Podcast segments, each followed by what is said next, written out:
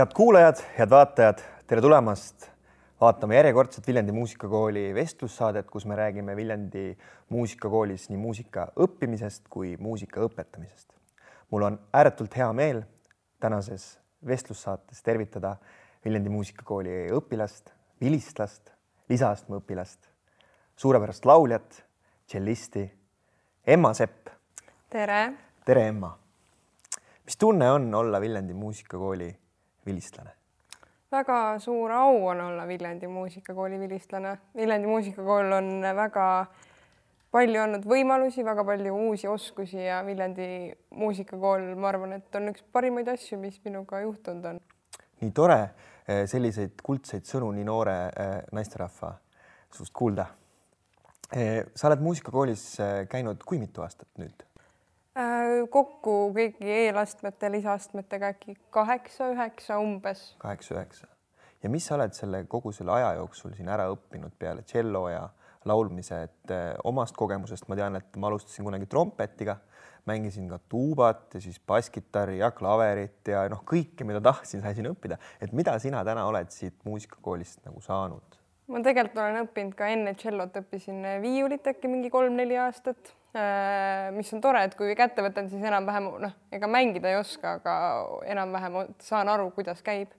siis klaverit tegelikult olen ka õppinud kuus aastat, viis aastat Temuri Sulamanitsa juures, äh, mis oli väga hea just äh, selles mõttes, et ma saangi tänu sellele ka ennast juba klaveri peal saata, et kui kodus tahan lihtsalt laulda ja mängida, et siis ei ole seda, et aga kuidas ma nüüd ennast saadan, et peaks nagu a capellas laulma, et tegelikult Äh, klaveri peal oskan ennast saata ja samamoodi ka kõik niisugused muusikateooria, et äh, või üldse, kuidas seda õppida, et näiteks kitarri olen enam-vähem omandanud äh, akordide mängimise just, et oskan ennast saata samamoodi, aga see kõik see õppimine on tulnud ka tänu sellele, et ma olen Viljandi muusikakoolist näinud, kuidas akorde peab mängima, kuidas neid moodustada ja jah väga lahe, mul on niisugune tunne, et ma tean niisugust kuulsat äh, maailma kuulsat džässimeest nagu Jacob Collier ja tema on äh, mees nagu orkester, et ma kuulen sinu suust praegu, et sa oskad kitarri, klaverit, et sa oled nagu naine nagu orkester, et kas võib oodata, et su tulevikus tuleb selline projekt, kus sa teed kõike üksi ja, ja hakkad selliselt muusikat looma? mine sa tea, võib-olla ega ma kindlasti Jacob Collieri tasemele ei küündi mitte ühegi oma oskusega, aga ja ei, mine sa tea väga-väga lahe. Eh, loomulikult eh, muusikuks olemine ei ole ainult see, et me tuleme muusikakooli, et eh, kui palju sinu igapäevane tegevus on seotud muusikaga, kas nagu kõiki pille osata tuleb ka väga palju harjutada äh,? juba esiteks ma kuulan ise väga palju muusikat äh,, mis on ka üks väga suur osa minu igapäevaelust, et ma, kui ma kõnnin kuskile, sõidan bussiga, kodus koristan, mul alati muusika käib taustaks ja jah, et see harjutamine tegelikult äh, lauluga koos umbes kitarri mängimine ja klaver, et see pakub mulle väga suurt rõõmu. et see ei ole, et oh pekki, ma pean harjutama, et see on mulle, see on väga tore õppida uusi laule ära ja õppida äh, uusi kuidagi akorde, mingeid lahedaid äh, võtteid kitarri peal, et see on väga huvitav minu jaoks ja pakub palju rõõmu, et see ei ole kindlasti kuidagi tüütu harjutamine. aga sa teed seda iga päev? Ma ei tee seda kindlasti iga päev, äh, aga ikka üritan nädalas sihuke viis-kuus korda kindlasti võtta kitarri kasvõi korra kätte, sest et äh, ma olen ka koguduses muusikat teen kaasa ja ka juba sellepärast ma pean ennast hoidma nagu soojana, et äh, kui on vaja, siis ma olen alati valmis minema ja tegema.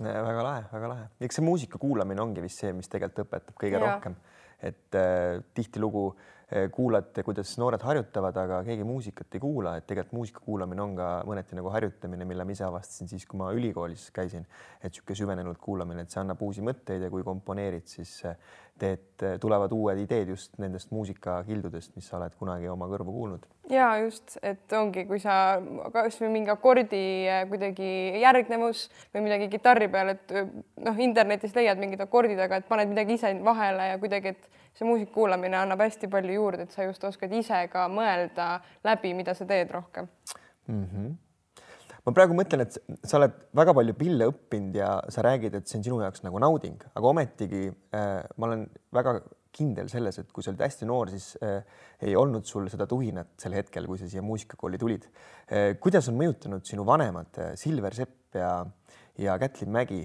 sellesse, et, et, et see, seda muusikaõpingut, kas nad on sind nagu survestanud või, või kuidas, kuidas, kuidas sa oled siia jäänud, sest et mi, mina omast kogemusest tean, et ma väga tahtsin minna tegema seda, mida mu sõbrad teevad ja kui mul klassikaaslased käisid kuskil trennis, siis ma tahtsin pigem trennis käia, kui tulla muusikat. sinu puhul on see natuke teistmoodi, sest et sul kodus oli nii-öelda see muusikaline keskkond ja meie muusikakooli direktor on ka öelnud kunagi ühes saates, et, et noh, kui tema hakkas oma eluteed valima, siis kuna ta oli juba muusikute perest pärit, siis oli ikkagi keeruline mingi muu suund valida kuidas sul, oled sa rääkinud oma vanematega sellest? ja kindlasti on see väga palju mõjutanud, sest ma olen juba, kuna mu vanemate suhtlusringkond on juba enamus muusikud, siis ma olen juba neid väga praktilisi asju umbes, et stuudios salvestamine, mis see protsess on plaadi valmimisel, et ma olen seda näinud sünnist saati ja et kindlasti on nad ka survestanud, aga väga heas mõttes ainult sest et kui äh, ikkagi neljanda klassi tüdruk sul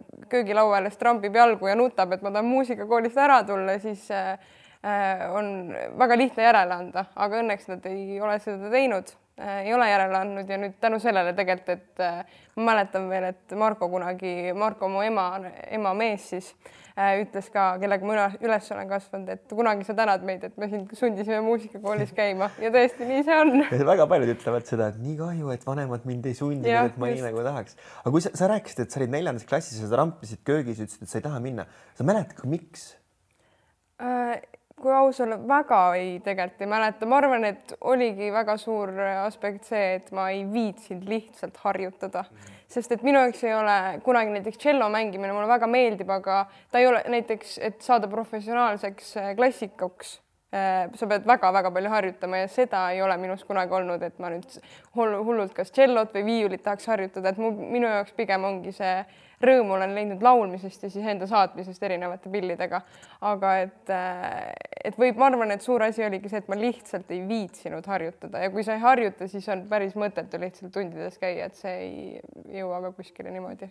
ma võin sulle saladuskattele öelda, et ma käisin muusikakooli läbi, et ma väga tegelikult ei harjutanud. no võib-olla mõned on siis eriti andekad et.... no kas just seda, aga aga vähemalt nagu ära, aga ma mäletan ka seda, et see iseseisev harjutamine, et see oli kõige keerulisem, aga ma vähemasti tulin kohale ja siin sai koos õpetajaga seda teha ja sel hetkel ma ikkagi tundsin siin nagu ennast nagu hästi eh,. miks sa muusikakooli tahad ikka veel tulla? sest muusikakool on eh, juba need õpetajad ja ma arvan, et Eestis ei ole teist muusikakooli, kus sa saaksid õppida pärimust, džässi, siin õpetatakse džässi ajalugu, sa saad teha bände, sest et tegelikult see klassikaline osa on väga mitte väga väike, aga tegelikult ei ole ju kõige olulisem osa Viljandi muusikakoolist, et äh, ta ei ole nagu ja, ja kuidagi see klassikaline, see annab nii hea baasi kõikideks nendeks teisteks asjadeks, et kui sa õpidki alguses klassikalist muusikat, siis ma arvan, et see on väga-väga vajalik, et tulevikus siis õppidagi džässi, et sul on see tehnika olemas, mida on vaja tegelikult, äh, ükskõik, kas sa teed pärimusmuusikat või džässi et äh, Viljandi muusikakoolis juba see, et sul on nii palju võimalusi. sa oled väga palju jõudnud, ma kuulen, et sul on siin erinevad žanrid juba, kus sa oled õppinud, sul, ma saan aru, sul on väga palju bände äh,. hetkel ei ole. hetkel ei ole. aga on olnud, meil oli näiteks äh, Jäälilled äh, mm, -hmm. kellega me oleme ka käinud reisidel. välismaal tuulil. välismaal ja äh,, ja et äh, jah, ma arvan, et see ongi kõige niisugusem eredam äh, mälestus, niisugune tõesti oli äge tüdrukute bänd sõbrannadega, palju nalja sai ja see bänd mängis mis muusikat? pärimust. pärimusmuusikat, väga lahe. ma natuke tean ka, sest et ma olin ise sellel reisil kaasas, et oli tõesti tore näha, et natukene seal teil oli Elinor Luik, sina ja Rute Trotšinski on ju, et niisugune väga-väga tore, tore nagu niisugune trio ja pärimusmuusika ja nagu ma aru saan, siis see tuli natuke kodus, see survestamine ja muusikakool andis juurde, et on võimalust nagu kes teil siin juhendaja oli? meil alguses oli Käti ja lõpuks nüüd oli Liisa Koemets Äh, aga päris lõpuks me ikkagi üsna palju näitasime ise initsiatiivi ja kui Liisa umbes võib-olla, kui me tahtsime abi millegagi, et ta kuulaks meid üle ja tegelikult ka enne reisile minekut kuulas meid Marika Reimand äh, üle, et väga palju oli tegelikult neid, kes hoidsid meid äh, nii-öelda joone peal, et kas teil on ikka kõik valmis ja kuulasid ikkagi, ikkagi peab üle kuulama, et sa ei saa päris kolme väikest tüdrukut täiesti oma pead lasta niimoodi. nii on sa oled ka sümfooniaorkestris. Mina isiklikult näen, et sümfooniaorkester on üks kõige suurem niisugune äh, äh, võib-olla siis väärtus, kus kohas äh, väga paljud muusikakooli õpilased tulevad korraga kokku. Siinsamas saalis, kus me täna vestleme ju tegelikult see on ju sümfooniaorkestri prooviruum sisuliselt, orkestrimaja, et, mis sümfooniaorkester on sulle andnud veel peale selle, et sa oled saanud bändi teha, erinevaid žanreid õppida läbi erinevate õpetajate, klaverit, kitarri, et ju sümfooniaorkestris sa oled enamjaolt mänginud ainult ju tšellot. Kui sa praegu mõtled neid laupäevasid vist on rohkem, et proovilaupäevasid on vist rohkem kui puhkelaupäevasid, mis meil siin olnud on.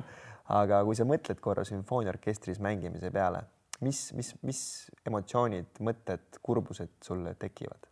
äh,? väga see ju tunne, et okei okay,, võib-olla tõesti need laupäevased proovid alati ei ole meie kõigi lemmikud, kell üksteist siia tulla, sa võiksid kõike muud teha samal ajal. Aga tõesti see tunne, kui sa, käisime Hispaanias sümfooniaorkestriga või iga-aastased jõulukontserdid äh,, et tõesti see tunne, kui kõik tulevad kokku ja kõik tegelikult oskavad ja teavad, mis nad teevad, et see tunne mängides, esinedes just on ikka väga-väga võimas, kui sul puhkpillid täiega mängivad ja löökpillid, timpanid põristavad, et see on nagu väga võimas tunne. Ja muidugi ka meie dirigent Riivo Jügi, kes on nii tasemel, ma arvan, et tema on ka väga palju seda rõõmu just sümfooniaorkestri vastu kasvatanud, sest et ta viskab nalja ja on väga, aga samas ka väga hoiab meid joone peal, et kõik ikka saaks õigeks ajaks ilusti valmis. kas sa mäletad, millal viimane esinemine oli sümfooniaorkestriga? oi, päris aus olla, siis mulle esimene, mis meelde tuleb, on jõulukontsert. ja võis olla peaaegu, aga ma arvan, et viimane oli meil muusikakooli sünnipäev seitsekümmend viis veebruar kaks tuhat kakskümmend, enne kui, enne kui me läksime nii-öelda siis kaugõppesse. aga enne kui me räägime sellest viimasest kontserdist, millal viimane proov oli?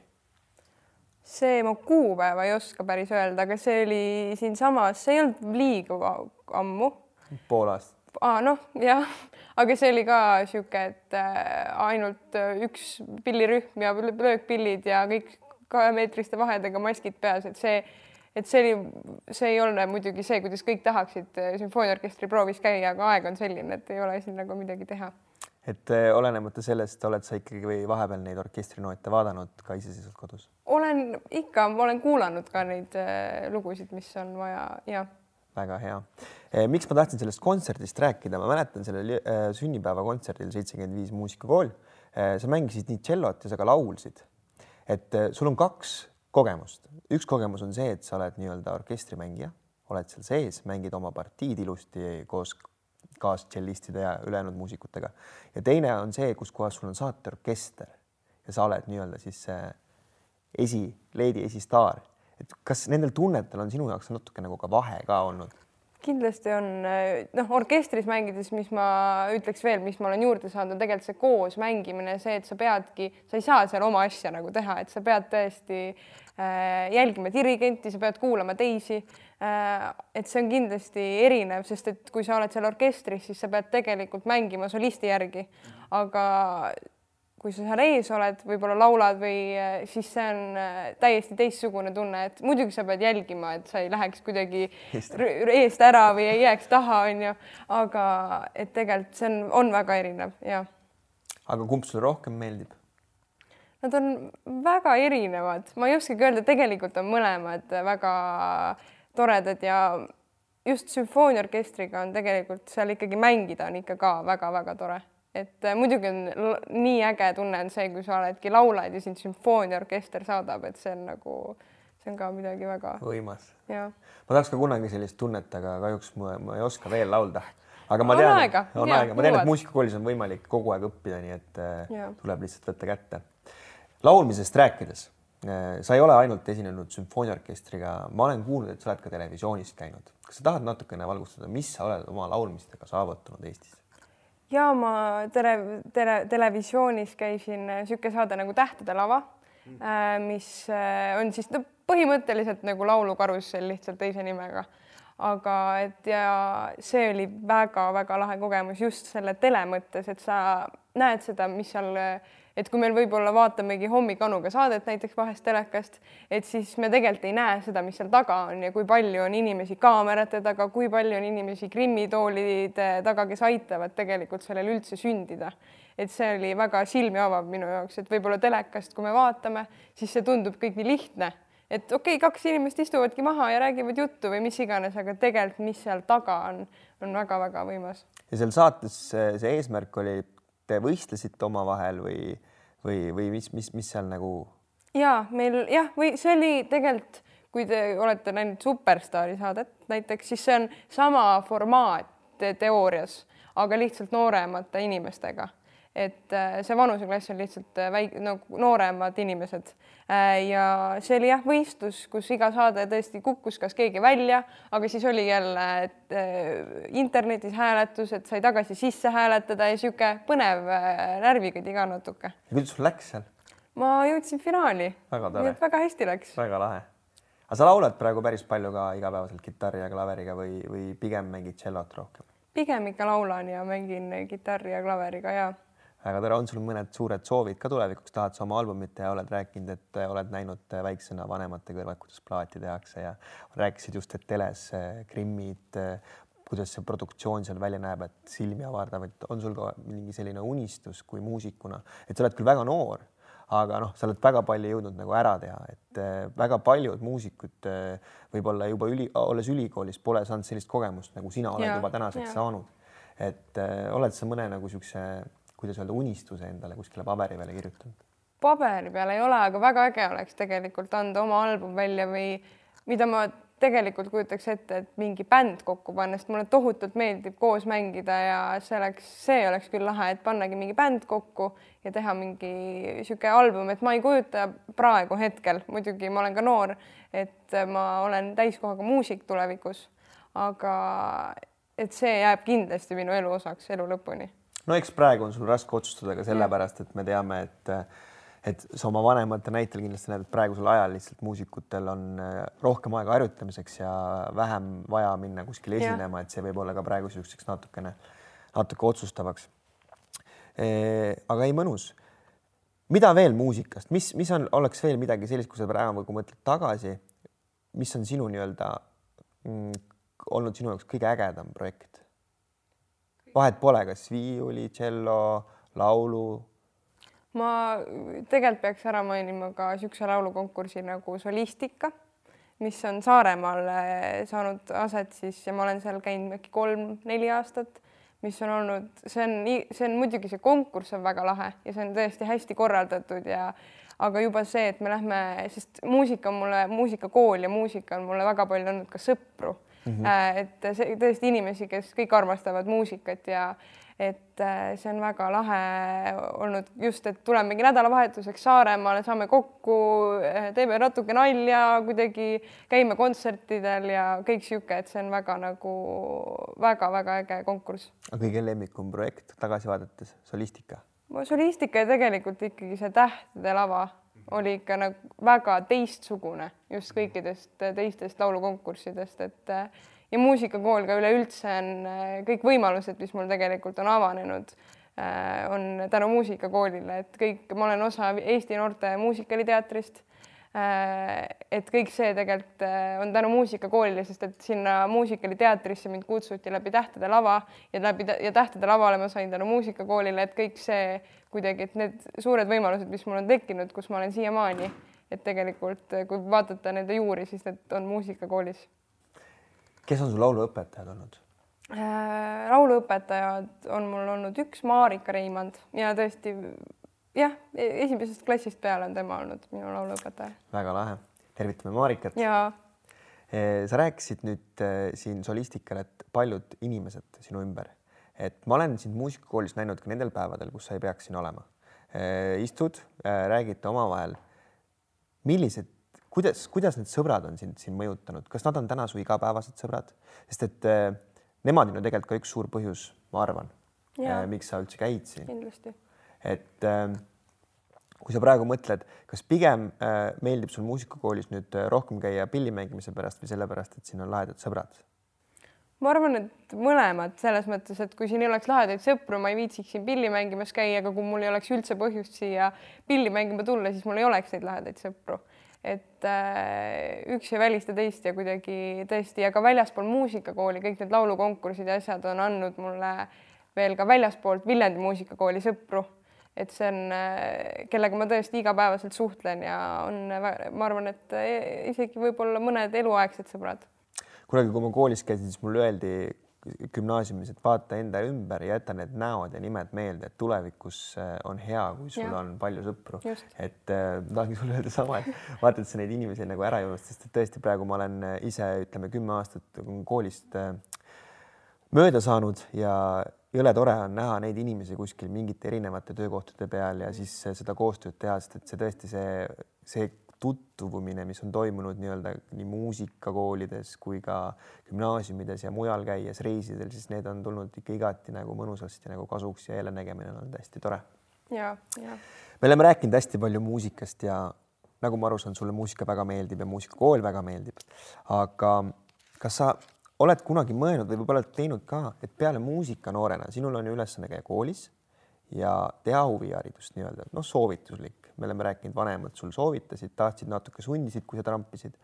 aga kas sa jõudsid veel midagi teha, käia kuskil, ma ei tea, maletrennis või, või kuskil näiteks? ja ma olen tegelikult ratsutanud oh. mingi viis-kuus aastat äkki muusikakooli kõrvalt, see muidugi ei ole olnud nii äh, ajamahukas ja ma võib-olla ei ole seda teinudki nii professionaalselt just sellepärast, et muusikakool on olnud see prioriteet pigem, aga just see ratsutamine ja tegelikult olen ka käinud huvikoolis äh, väiksena, käisin Eve stuudios näiteks. tantsimas? tantsimas jah, et ja tegelikult, kui sa ikka tahad, siis jõuad aga see EVE stuudio jäi nüüd sellepärast ära, et muusikakooli koormus läks liiga suureks või see tantsimine sai läbi ja tuli Tiktok või kuidas äh, ma ütleks, et pigem võib-olla kuida-, jah, võib-olla see muusikakooli koormus tuli peale ja kuna ratsutamas sa saad käia ka nädalavahetuseti, äh, aga et kuidagi umbes, et äh, sul ongi, et sul on EVE stuudio, tantsutrenn ja solf, et kumma sa siis valid. Ja kuna ma siis käi, olin tegelikult ikkagi muusikakooli õpilane, siis ma ikkagi muusikakooli valisin aga noh, või, või siis said tantsu selgeks juba. jah, võib-olla tõesti jah. just onju, aga ratsutamine, see on siiamaani või see on ka nüüd, nüüd juba nii-öelda möödanik, et sinna... see on äh, ikka siiamaani vahest, vahest käin, aga ta ei ole enam nii regulaarne, ta on pigem niisugune, et kui äh, on vaba päev ja tuleb tuju, siis äh, väga suur, minu jaoks on ratsutamine ka nagu teraapia natuke või kuidagi niisugune tõesti saad äh, väga mõnus ja asi, mis on jälle üks oskus, mis on omandatud terveks eluks tegelikult, et see on natuke nagu jalgrattasõit, et sa seda nagu ära ei unusta.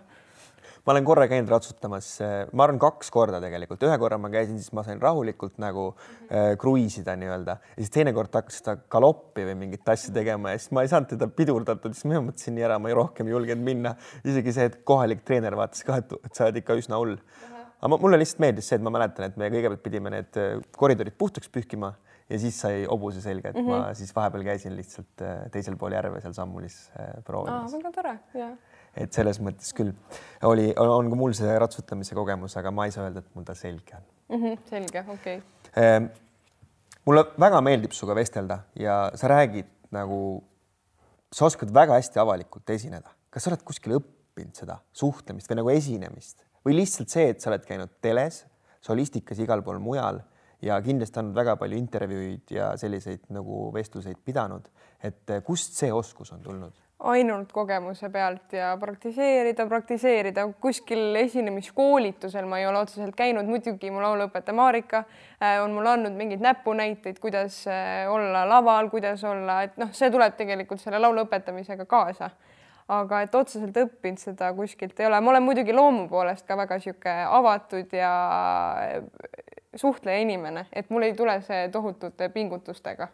ja kui ma küsin, kas sa praegu natuke pabistad ka või mitte?